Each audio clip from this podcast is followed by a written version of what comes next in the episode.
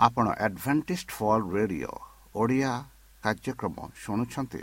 ଅଧିକ ସୂଚନା ପାଇବା ପାଇଁ ଆମ ସହ ସଂଯୋଗ କରନ୍ତୁ। ଏକ ଆଠ ଶୂନ ଶୂନ ଆଠ ତିନି ତିନି ଦୁଇ ଦୁଇ ତିନି ଏକ କିମ୍ବା bible at the rate of A W R dot O R G ଏହା Adventist World radio Voice of Hope ଜୀବନଧାରା।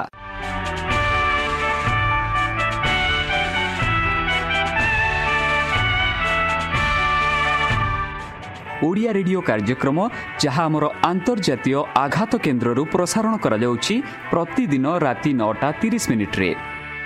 ମୁଁ ସୁବ୍ରତ କୁମାର ପତି ପ୍ରେମର ସହ ଆପଣମାନଙ୍କୁ ଏହି କାର୍ଯ୍ୟକ୍ରମକୁ ସ୍ୱାଗତ କରୁଅଛି। ଚାଲନ୍ତୁ ଆଜିର ତିରିଶ ମିନିଟ୍ର କାର୍ଯ୍ୟକ୍ରମ ବିଷୟରେ ଜାଣିନେବା। ପ୍ରଥମେ ରଖିଛୁ ଆଧ୍ୟାତ୍ମିକ ଭକ୍ତିମୟ ଗୀତ। ଏହାପରେ ଶୁଣିବା ସ୍ୱାସ୍ଥ୍ୟ ବିଷୟରେ ଭକ୍ତଙ୍କଠାରୁ ଜୀବନଦାୟକ ଈଶ୍ୱରଙ୍କ ବାକ୍ୟ। ପ୍ରିୟ ଶ୍ରୋତା ତାହେଲେ ଚାଲନ୍ତୁ ଶୁଣିବା ଏକ ଆଧ୍ୟାତ୍ମିକ ଭକ୍ତିମୟ ଗୀତ।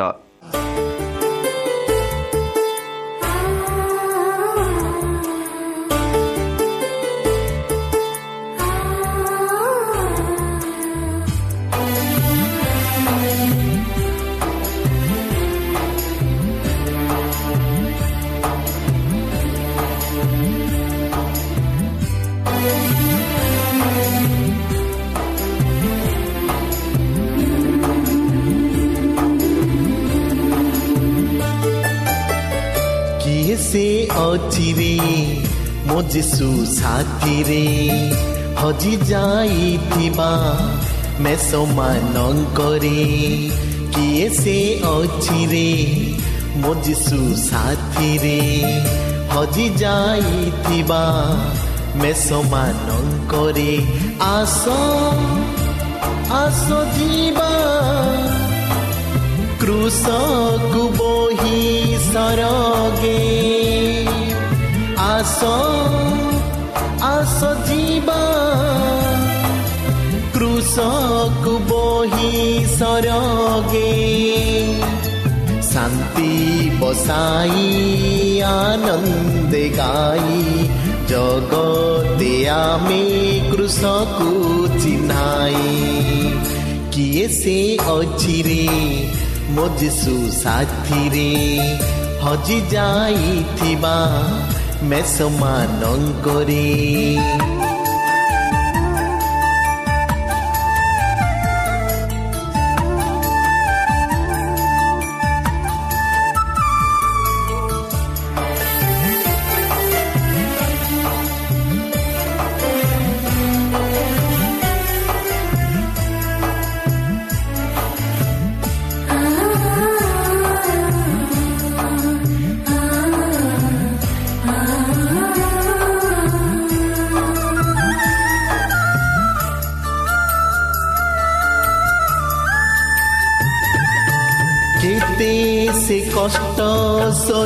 ସହିଛନ୍ତି ଜଗତରେ କେତେ ସେ କଷ୍ଟ ବହିଛନ୍ତି ସେ କୃଷରେ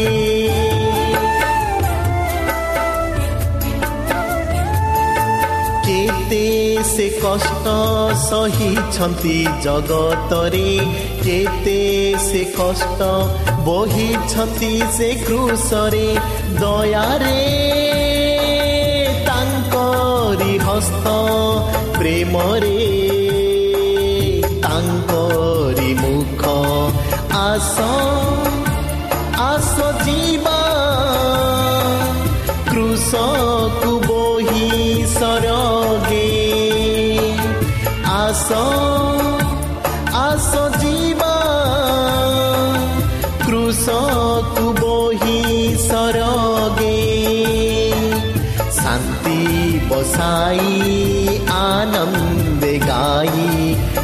ଜଗତେ ଆମେ କୃଷକୁ ଚିହ୍ନାଇ କିଏ ସେ ଅଛିରେ ମୋ ଯୀଶୁ ସାଥିରେ ହଜି ଯାଇଥିବା ମେଷମାନଙ୍କରେ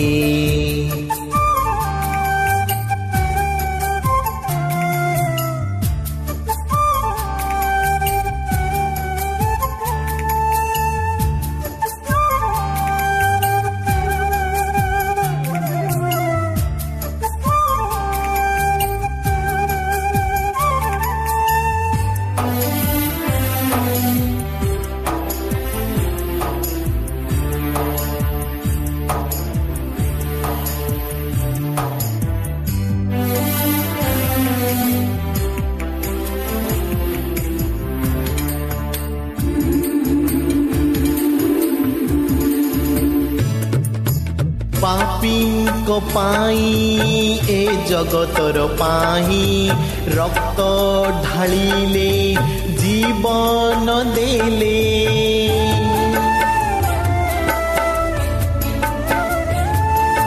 ପାପିଙ୍କ ପାଇଁ ଏ ଜଗତର ପାଇଁ ରକ୍ତ ଢାଳିଲେ ଜୀବନ ଦେଲେ ଦୟାରେ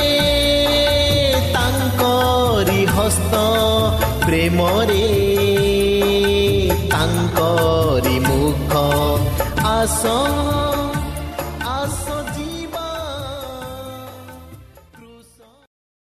ଆମ ଠିକଣା Adventist media centre S D A mission compound Salisbury park Pune ଚାରି ଏକ ଏକ ଶୂନ ତିନି ସାତ ମହାରାଷ୍ଟ୍ର ବା ଖୋଲନ୍ତୁ ଆମର ୱେବସାଇଟ୍ ଯେକୌଣସି android phone smartphone desktop laptop କିମ୍ବା ଟ୍ୟାବ୍ଲେଟ୍ ଆମର website W W W dot A W R dot O R G slash O R I ବର୍ତ୍ତମାନ ଚାଲନ୍ତୁ ଶୁଣିବା ଈଶ୍ୱରଙ୍କ ଭକ୍ତଙ୍କଠାରୁ ଈଶ୍ୱରଙ୍କ ଜୀବନଦାୟକ ବାକ୍ୟ ଇତିହାସର ହଜିଯାଇଥିବା ଦିନ ଭାଗ ତିନି।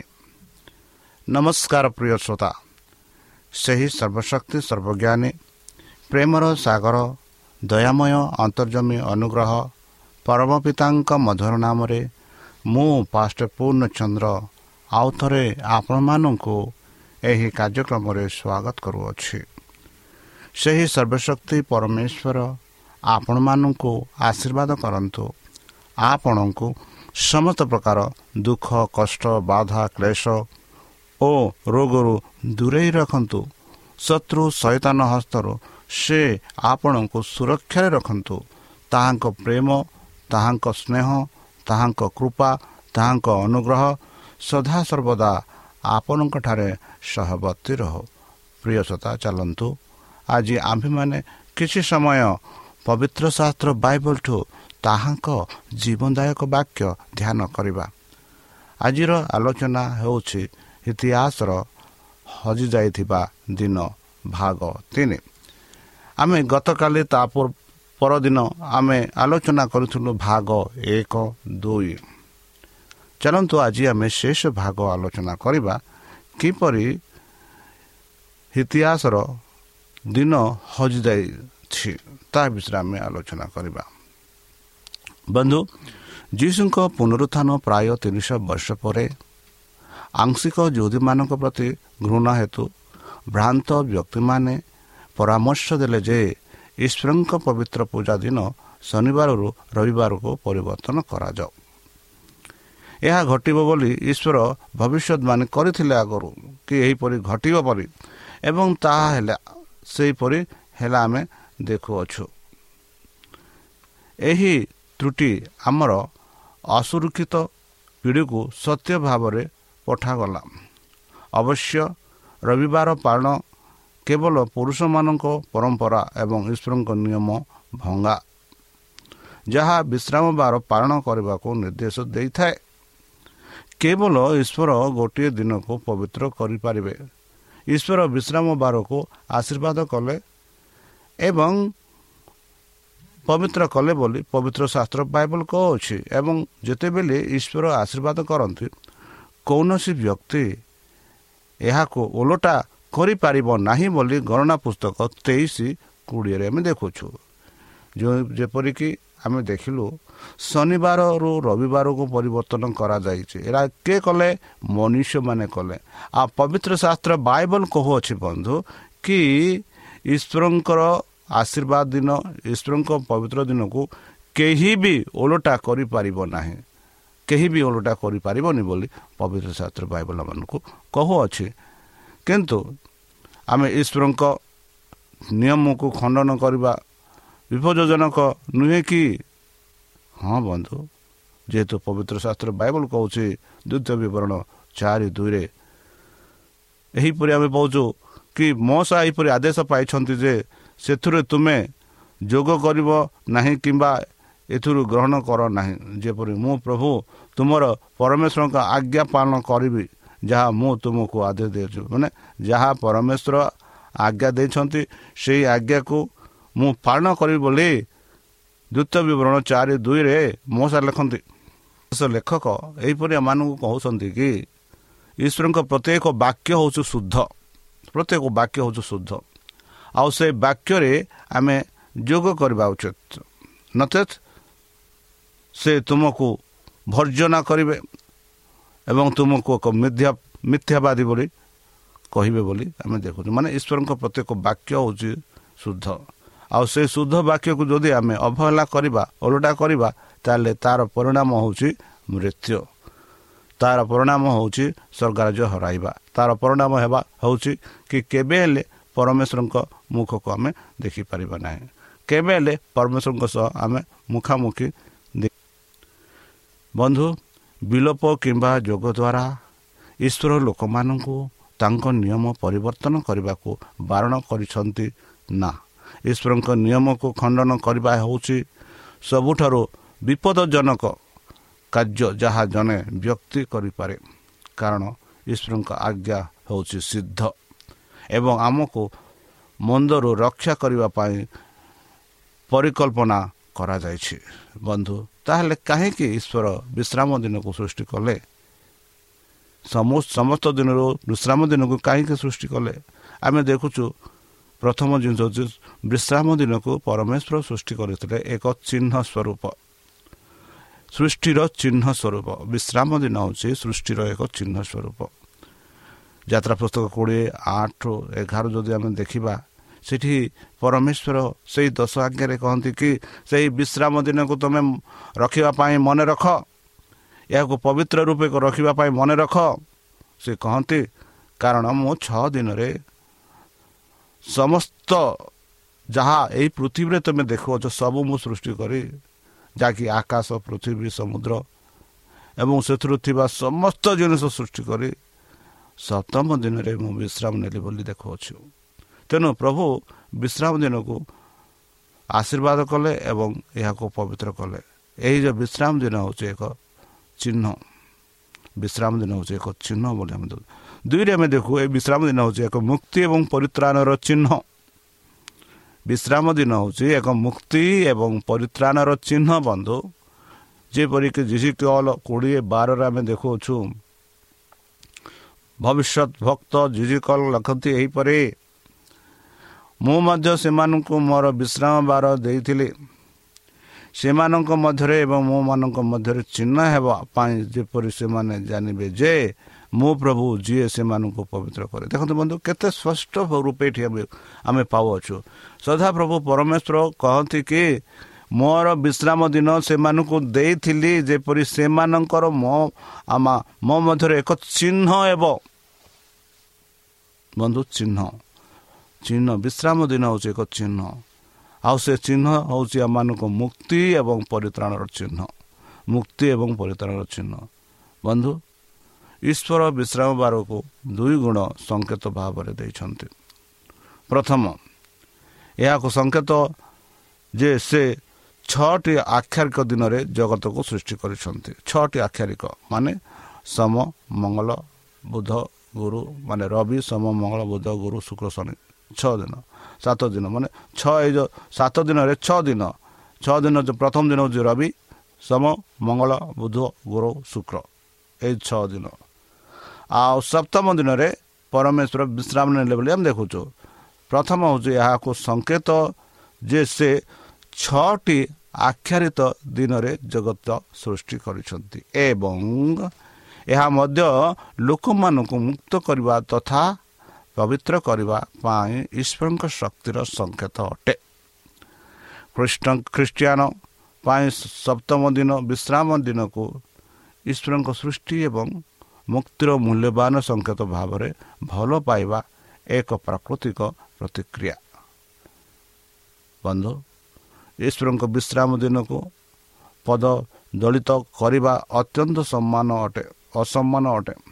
ଏହିପରି ଜିସାୟ ଭବିଷ୍ୟତ ବକ୍ତା କହନ୍ତି ଈଶ୍ୱର କୁହନ୍ତି ଯେଉଁମାନେ ଆଶୀର୍ବାଦ ପ୍ରାପ୍ତ ହେବେ ସେମାନେ ତାଙ୍କର ପବିତ୍ର ଦିନକୁ ପାଦ କାଢ଼ିବା ଉଚିତ।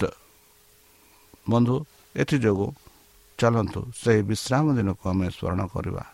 ତାହେଲେ ବିଶ୍ରାମ ଦିନକୁ ପବିତ୍ର ରଖିବା କେତେ ଗୁରୁତ୍ୱପୂର୍ଣ୍ଣ? ପ୍ରଥମ ଜହନ ତିନି ଚାରିରେ ଆମେ ଦେଖୁଛୁ ଏହା ହେଉଛି ପାପ। ଏହା ହେଉଛି ଅନୈତିକ ଦିନ। ଯଦି ବିଶ୍ରାମ ଦିନକୁ ଆମେ ଉଲ୍ଲଂଘନ କରୁଛୁ ଏକ ପାପ ଦୁଇ ଅନୈତିକ ଇମୋରାଲ ଯାହା ଆମେ ଇଂରାଜୀରେ କହୁଛୁ ରୋମିଓ ଛଅ ତେଇଶ ଆମେ ଦେଖୁଛୁ ପାପର ବେତନ ହେଉଛି ମୃତ୍ୟୁ ଯିଏ ପାପ କରେ ସେ ମୃତ୍ୟୁବରଣ କରେ ଏଥିଯୋଗୁଁ ବିଶ୍ରାମ ଦିନ ପାଳନ କରିବାର ଏକ ବହୁତ ଗୁରୁତ୍ୱ ଯେହେତୁ ଯଦି ଆମେ ବିଶ୍ରାମ ଦିନକୁ ପାଳନ କରୁନୁ ତାହେଲେ ଆମେ ପାପ କରୁଛୁ ଆମ ଜୀବନକୁ ଅନୈତିକ ଆଡ଼କୁ କଢ଼ାଇ ନେଉଛୁ ଆଉ ଯେବେ ଆମେ ଅନୈତିକ ଆଡ଼େ କଢ଼ା ନେଉଛୁ ତା'ର ପାପର ତା'ର ବେତନ ହେଉଛି ମୃତ୍ୟୁ ବୋଲି ଆମେ ଦେଖୁଅଛୁ ଯାକୁବ ଦୁଇ ଦଶରେ ଆମେ ଦେଖୁ ଯଦି ଆମେ ସବୁ ଆଜ୍ଞା ପାଳନ କରୁଛୁ ଆଉ ଗୋଟିଏ ଆଜ୍ଞାରେ ଯଦି ଆମେ ଝୁଣ୍ଟି ପଡ଼ୁଛୁ ତାହେଲେ ସମସ୍ତ ଆଜ୍ଞାରେ ଆମେ ପାପ କରୁଛୁ ବୋଲି। ଯିଏ ସମ୍ପୂର୍ଣ୍ଣ ନିୟମ ପାଳନ କରିବ ବା ଯିଏ ସମ୍ପୂର୍ଣ୍ଣ ଆଜ୍ଞା ପାଳନ କରିବ ଏବଂ ତଥାପି ଗୋଟିଏ ସ୍ଥାନରେ ଝୁଣ୍ଟି ପଡ଼ିବ ସେ ସମସ୍ତଙ୍କ ପାଇଁ ଦୋଷୀ। ଆମେ କହୁ କି ଆମେ ସବୁ କରୁଛୁ ଆମେ ମିଛ କହୁନୁ କି ବ୍ୟବଚାର କରୁନ କି ହତ୍ୟା କରୁନ କି ମୂର୍ତ୍ତି ପୂଜା କରୁନ ମାତ୍ର ଆପଣ ବିଶ୍ରାମ ଦିନ ପାଳନ କରୁନାହାନ୍ତି। ତାହେଲେ ଆପଣ ପାପ କରୁଛନ୍ତି ହଁ କି ନାହିଁ ହଁ ନା? ମୁଁ ଯଦି ବ୍ୟବିଚାର କରୁନାହିଁ ମୁଁ ଯଦି ମୃତ୍ୟୁ ପୂଜା କରୁନାହିଁ ମୁଁ ଯଦି ପଡ଼ୋଶୀର ଜିନିଷକୁ ମୁଁ ଆଶା କରୁନାହିଁ। ଏହିପରି ଯଦି ମୁଁ ସବୁ କରୁଛି ଯଦି ବିଶ୍ରାମ ଦିନରେ ଯଦି ବିଶ୍ରାମ ଦିନ ଯଦି ପାଳନ ନ କରିବି ତାହେଲେ ମୁଁ ସବୁଠିରେ ଝୁଣ୍ଟି ପଡ଼ିଛି ବୋଲି ମୁଁ ଦେଖାଉଛି। ସେହିପରି ପ୍ରଥମ ଭିତର ଦୁଇ ଏକୋଇଶରେ ଆମେ ଦେଖୁ ଖ୍ରୀଷ୍ଟ ମଧ୍ୟ ଆମ ପାଇଁ ଯନ୍ତ୍ରଣା ଭୋଗିଲେ। ଆମକୁ ଏକ ଉଦାହରଣ ଛାଡ଼ିଦେଲେ। ଯେପରି ତୁମେ ତାଙ୍କ ପାଦ ଅନୁସରଣ କର। ଦେଖନ୍ତୁ ବନ୍ଧୁ ଖ୍ରୀଷ୍ଟ ମଧ୍ୟ ବିଶ୍ରାମ ଦିନରେ ଯାଇଥିଲେ ବିଶ୍ରାମ ପାଳନ କଲେ।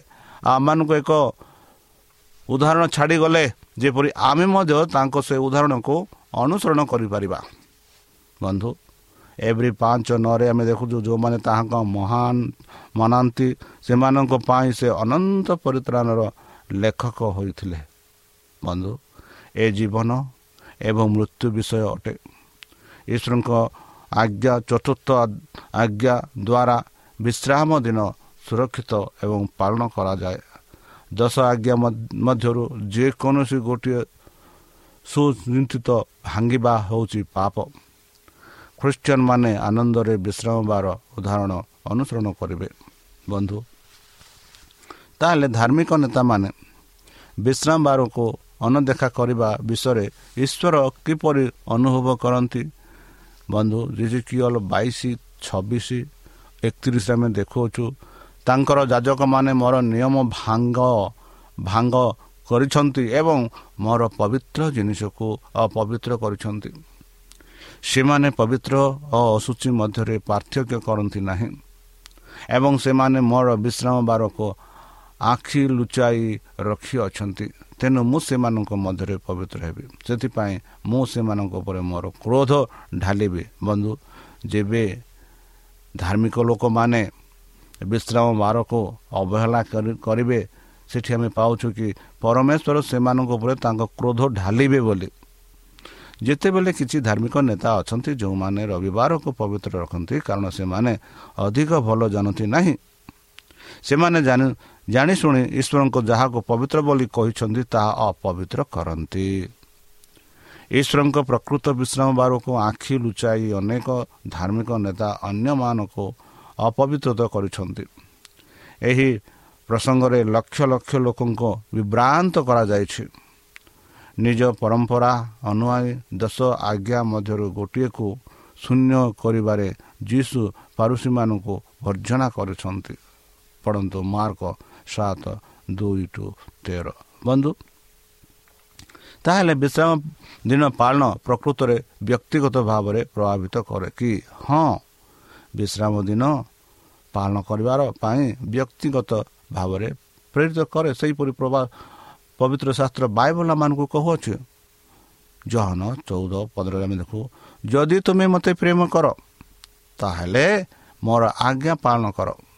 ଏହା ବ୍ୟକ୍ତିଗତ। ତୁମେ ଯିଏ ଭଲ କାମ କରିବାକୁ ଜାଣେ ଏବଂ ତାହା କରେ ନାହିଁ ତାହା ତାଙ୍କ ପାଇଁ ପାପ ଅଟେ। ଯାକୁବ ଚାରି ସତ୍ର। ଯିଏ ଜାଣିଛି ପବିତ୍ର ଶାସ୍ତ୍ର ବିଷୟରେ ଆଉ ପବିତ୍ର ଶାସ୍ତ୍ର ଯଦି ସେ ଜାଣିବ ନାହିଁ ତାହା ହେଉଛି ପାପ। ଯେଉଁମାନେ ତାଙ୍କ ଆଜ୍ଞା ପାଳନ କରନ୍ତି ସେମାନେ ଧନ୍ୟ। ଯେପରି ସେମାନେ ଜୀବନ ବୃକ୍ଷର ଅଧିକାର ପାଇପାରିବେ ଏବଂ ଫାଟକ ଦେଇ ନଗରକୁ ପ୍ରବେଶ କରିପାରିବେ। ପ୍ରକାଶିତ ବାଇଶ ଚଉଦ। ଯେତେ ଲୋକ ତାଙ୍କ ଆଜ୍ଞା ପାଳନ କରନ୍ତି ସେତେବେଳେ ଯେବେ ପରମେଶ୍ୱର ଯେବେ ଯୀଶୁଖ୍ରୀଷ୍ଟ ଏହି ପୃଥିବୀକୁ ଆସିବେ ଯେବେ ସେମାନେ ତାଙ୍କ ସହ ମିଶିଯିବେ ସେମାନେ ସେଇ ଫାଟକ ଦେଇ ନଗର ଭିତରକୁ ପ୍ରବେଶ ସେ ନଗର କ'ଣ? ସ୍ୱର୍ଗ ରାଜ୍ୟ ସେ ନ୍ୟୁ ଜେରୁସାଲମ ସେ ଯୀଶୁ ସେମାନଙ୍କୁ କହିଥିଲେ ବିଶ୍ରାମ ବାର ମନୁଷ୍ୟ ପାଇଁ ନୁହେଁ ବିଶ୍ରାମ ବାର ମନୁଷ୍ୟ ପାଇଁ ସୃଷ୍ଟି କରାଯାଇଅଛି। ବିଶ୍ରାମ ବାର ମଣିଷ ପାଇଁ ସୃଷ୍ଟି କରାଯାଇଛି। ଆଉ ମନୁଷ୍ୟ ବିଶ୍ରାମ ଦିନ ପରେ ନୁହେଁ। ବିଶ୍ରାମ ହେଉଛି ଈଶ୍ୱରଙ୍କ ଠାରୁ ଏକ ଉପହାର ବନ୍ଧୁ। ଯିଏ ଏହାକୁ ତୁମ ପାଇଁ ଜଗତକୁ ଏକ ଅବସର ଭାବରେ ତିଆରି କରିଛନ୍ତି ଏହା ସ୍ୱାଭାବିକ ଯେ ତାଙ୍କୁ ପ୍ରେମ କରୁଥିବା ଲୋକମାନେ ତାଙ୍କର ବିଶ୍ରାମ ବାର ପାଳନ କରିବାକୁ ଚାହାନ୍ତି। ପ୍ରକୃତରେ ଆଦେଶ ପ୍ରକୃତରେ ଆଜ୍ଞା ପାଳନ ନ କରି ପ୍ରେମ ପ୍ରକୃତରେ ଆଦ୍ୟ ପ୍ରେମ ନୁହେଁ। ଏହିପରି ପ୍ରଥମ ଜନ ଦୁଇ ଚାରି ଆମେ ଦେଖାଉଛୁ ଏହା ଏକ ନିଷ୍ପତ୍ତି ଯାହା ଆମେ ସମସ୍ତେ କରିବା ଆବଶ୍ୟକ। ଏବଂ ଆମେ ଏହାକୁ ଏଡ଼ାଇ ପାରିବୁ ନାହିଁ। ଭଲ ଖବର ହେଉଛି ବିଶ୍ରାମ ବାର ପାଳନ କରିବା ଆପଣଙ୍କୁ ଗଭୀର ଆଶୀର୍ବାଦ ଦେବ। ବିଶ୍ରାମ ବାର ଆପଣ ନିଜକୁ ମୁକ୍ତ ଭାବରେ ଅନୁଭବ କରିପାରିବେ। ଦୋଷମୁକ୍ତ ହୋଇପାରିବେ ଆପଣଙ୍କ ନିୟମିତ ଦିନ ନନ୍ଦୀଙ୍କ କାର୍ଯ୍ୟକଳାପ ଯେପରି କାର୍ଯ୍ୟ ଏବଂ ସଫି ଏବଂ ଏହା ପରିବର୍ତ୍ତେ ବ୍ରହ୍ମାଣ୍ଡର ସୃଷ୍ଟିକର୍ତ୍ତାଙ୍କ ସହିତ ସମୟ ବିତାଇ ପାରିବେ ଅନ୍ୟ ବିଶ୍ୱାସୀଙ୍କ ସହ ଈଶ୍ୱରଙ୍କୁ ଉପାସନା କରିବା ପରିବାର ସହିତ ସମୟ ବିତାଇବା ପ୍ରକୃତିରେ ଚାଲିବା ଆଧ୍ୟାତ୍ମିକ ଭାବରେ ଉନ୍ନତ ସାମଗ୍ରୀ ପଡ଼ିବା ଏବଂ ରୋଗୀଙ୍କୁ ଦେଖା କରିବା ଏବଂ ଉତ୍ସାହିତ କରିବା ମଧ୍ୟ ବିଶ୍ରାମ ଦିନକୁ ପବିତ୍ର ରଖିବା ପାଇଁ ଏକ ଉତ୍ତମ ଉପାୟ ବନ୍ଧୁ। ଛଅ ଦିନର କାର୍ଯ୍ୟର ଚାପ ପରେ ଈଶ୍ୱର ତୁମ ପରିଶ୍ରମରୁ ବିଶ୍ରାମ ନେବାକୁ ଏବଂ ତୁମର ପ୍ରାଣକୁ ଖାଇବାକୁ ଦେବା ପାଇଁ ବିଶ୍ରାମ ବାରର ଉପହାର ହଉ ଦେଇଛନ୍ତି। ବନ୍ଧୁ ତୁମେ ବିଶ୍ୱାସ କରିପାରିବ ଯେ ସେ ଜାଣନ୍ତି ତୁମ କ'ଣ କ'ଣ ଭଲ? ତୁମ ପାଇଁ କ'ଣ ଭଲ? ତାହେଲେ ଆପଣ ସପ୍ତମ ଦିନର ବିଶ୍ରାମ ଦିନକୁ ପବିତ୍ର କରି ଈଶ୍ୱରଙ୍କ ସମ୍ମାନ କରିବାକୁ ଚାହୁଁଛନ୍ତି କି? ହଁ ମୁଁ ଚାହେଁ ବନ୍ଧୁ। ଈଶ୍ୱରଙ୍କର ସପ୍ତମ ଦିନକୁ ବିଶ୍ରାମ ଦିନକୁ ପବିତ୍ର କରି ସମ୍ମାନ ଦେବା ପାଇଁ ମୁଁ ଚାହୁଁଛି। କ'ଣ ଆପଣ ଚାହୁଁଛନ୍ତି କି? ବନ୍ଧୁ ଯୀଶୁ କହିଥିଲେ ଏହିପରି ବିଶ୍ରାମ ବାର ମଣିଷ ପାଇଁ ତିଆରି କରାଯାଇଥିଲା। ଏହା କେବଳ ଯୁହୁଦୀମାନଙ୍କ ପାଇଁ ନୁହେଁ ବରଂ ମାନବ ଜାତିଙ୍କ ପାଇଁ। ସମସ୍ତ ପୁରୁଷ ସମସ୍ତ ମହିଳା ସମସ୍ତ ଲୋକଙ୍କ ପାଇଁ ବିଶ୍ରାମ ଦିନ ପାଳନ କରା ଦିଆଯାଇଥିଲା। ବିଶ୍ରାମ ବାର ଦୁଇ ହଜାର ପାଞ୍ଚଶହ ବର୍ଷ ପରେ ମଧ୍ୟ ଜୁଦି ରାଷ୍ଟ୍ର ବିଦ୍ୟମାନ ନଥିଲା। ବନ୍ଧୁ ବାଇବଲ ନୁଆଁ ପ୍ରତ୍ୟେକ ଦିନ ସୂର୍ଯ୍ୟାସ୍ତରୁ ଆରମ୍ଭ ହୋଇ ପରବର୍ତ୍ତୀ ସୂର୍ଯ୍ୟାସ୍ତରେ ଶେଷ ହୁଏ। ଆଦି ପୁସ୍ତକ ଏକ ପାଞ୍ଚ ଆଠ ଆଉ ତେର ଉଣେଇଶ ତେଇଶ ଏକତିରିଶ ସେହିପରି ଲିବିୟ ପୁସ୍ତକ ତେଇଶ ବତିଶରେ ଏବଂ ଦିନର ଅନ୍ଧାରର ଅଂଶ ପ୍ରଥମେ ସେ ଏହିପରି ସୂର୍ଯ୍ୟାସ୍ତରୁ ସୂର୍ଯ୍ୟାସ୍ତର ଶେଷରୁ ବିଶ୍ରାମ ଦିନ ଆରମ୍ଭ ହେଉଛି ବୋଲି ଆମେ ଦେଖୁ। ତେଣୁ ଶନିବାର ଶୁକ୍ରବାର ରାତି ସୂର୍ଯ୍ୟାସ୍ତରୁ ଆରମ୍ଭ ହୋଇ ଶନିବାର ରାତି ସୂର୍ଯ୍ୟାସ୍ତର ଶେଷ ହୁଏ। ପ୍ରେରିତ କୋଡ଼ିଏରେ ଆଲୋଚନା ହୋଇଥିବା ଏହି ବୈଠକ ରବିବାର ଅନ୍ଧକାର ଭାଗରେ କିମ୍ବା ଯାହାକୁ ଆମେ ବର୍ତ୍ତମାନ ଶନିବାର ରାତି ବୋଲି କହିଥାଉ। ଏହା ଏକ ଶନିବାର ରାତିର ସଭା ଥିଲା ଏବଂ ମହା ଏବଂ ଏହା ମଧ୍ୟରାତ୍ରି ପର୍ଯ୍ୟନ୍ତ ଚାଲିଥିଲା। ବନ୍ଧୁ ସେଥିଯୋଗୁଁ ପାଉଲ ପ୍ରେରିତ ସେମାନେ ମଧ୍ୟ ବିଶ୍ରାମ ଦିନ ପାଳନ କରିଥିଲେ। ଆଉ ବିଶ୍ରାମ ଦିନ କେବେ ହେଲେ ଲୋପ ହୋଇନାହିଁ। ତାହେଲେ ଚାଲନ୍ତୁ ବିଶ୍ରାମ ଦିନକୁ ଆମେ ପାଳନ କରିବା ବିଶ୍ରାମ ଦିନରେ ସେହି ପରମେଶ୍ୱରଙ୍କ ପୂଜା କରିବା ଆଉ ବିଶ୍ରାମ ଦିନରେ ତାଙ୍କ ଆରାଧନା କରିବା। ତାହେଲେ ଚାଲନ୍ତୁ ନିଜକୁ ସମର୍ପଣ କରି ତାହାଙ୍କ ମଧୁର ନାମେ ଆମେ ପ୍ରାର୍ଥନା ଉତ୍ସର୍ଗ କରିବା। ହେ ଆମ୍ଭମାନଙ୍କ ସର୍ବଶକ୍ତି ସର୍ବଜ୍ଞାନୀ ପ୍ରେମର ସାଗର ଦୟାମୟ ଅନ୍ତର୍ଜମୀ ଅନୁଗ୍ରହ ପରମ ପିତା। ଧନ୍ୟବାଦ ଅର୍ପଣ କରୁଛୁ ପ୍ରଭୁ ବର୍ତ୍ତମାନ ଯେଉଁ ବାକ୍ୟ ତୁମ ଭକ୍ତମାନଙ୍କୁ ଶୁଣାଇଲେ ସେହି ବାକ୍ୟ ଅନୁସାରେ ଆମମାନଙ୍କୁ ସେହି ସତ୍ୟପଥରେ ଯିବା ପାଇଁ ସେହି ଶକ୍ତିରେ ସେହି ଜ୍ଞାନରେ ସେହି ପବିତ୍ର ଆତ୍ମା ଦ୍ୱାରା ଆମମାନଙ୍କୁ ପରିଚାଳନା କର। ଯେପରିକି ତୁମ ସେହି ବାକ୍ୟ ଅନୁସାରେ ଆମେ ଚାଲିପାରିବୁ ତୁମ ସେ ବାକ୍ୟ ଅନୁସାରେ ଆମେ ରହିପାରିବୁ। ପରିଶେଷ ଯେବେ ତୁମେ ତୁମ ସେହି ସହସ୍ର ଦୂତଙ୍କ ସହ ଆସିବେ ସେତେବେଳେ ଆମମାନଙ୍କୁ ଏକ ବାସ ସ୍ଥାନ ଯୀଶୁଙ୍କ ମଧୁରମୟ ନାମରେ ଏହି ଛୋଟ ପ୍ରାର୍ଥନା କରୁଛୁ। ତୁମେ ଗ୍ରହଣ କର। ଆମେ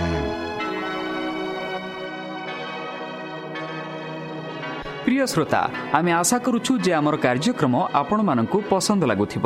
ଆପଣଙ୍କର ମତାମତ ଜଣାଇବା ପାଇଁ ଆମର ଏହି ଠିକଣାରେ ଯୋଗାଯୋଗ କରନ୍ତୁ। ଆମ ଠିକଣା advantage media centre S D A mission compound Salisbury park Pune ଚାରି ଏକ ଏକ ଶୂନ ତିନି ସାତ ମହାରାଷ୍ଟ୍ର ବା ଖୋଲନ୍ତୁ ଆମର ୱେବସାଇଟ୍ ଯେକୌଣସି android phone smartphone desktop laptop କିମ୍ବା ଟ୍ୟାବ୍ଲେଟ୍ ଆମର website W W W dot A W R dot O R G slash O R I ଏବଂ W W W dot advantage media centre India dot O R G advantage media centre ଇଣ୍ଡିଆର spelling ହେଉଛି A D V E N T I S T M E D I A C E N T R E I N D I A ଅଥବା download କରନ୍ତୁ ଆମର mobile app ଆପଣଙ୍କର mobile play ଷ୍ଟୋର୍କୁ ଯାଆନ୍ତୁ ଆଉ type କରନ୍ତୁ the voice of hope ଆଉ download କରନ୍ତୁ। ଈଶ୍ୱର ଆପଣଙ୍କୁ ଆଶୀର୍ବାଦ କରନ୍ତୁ। ଧନ୍ୟବାଦ।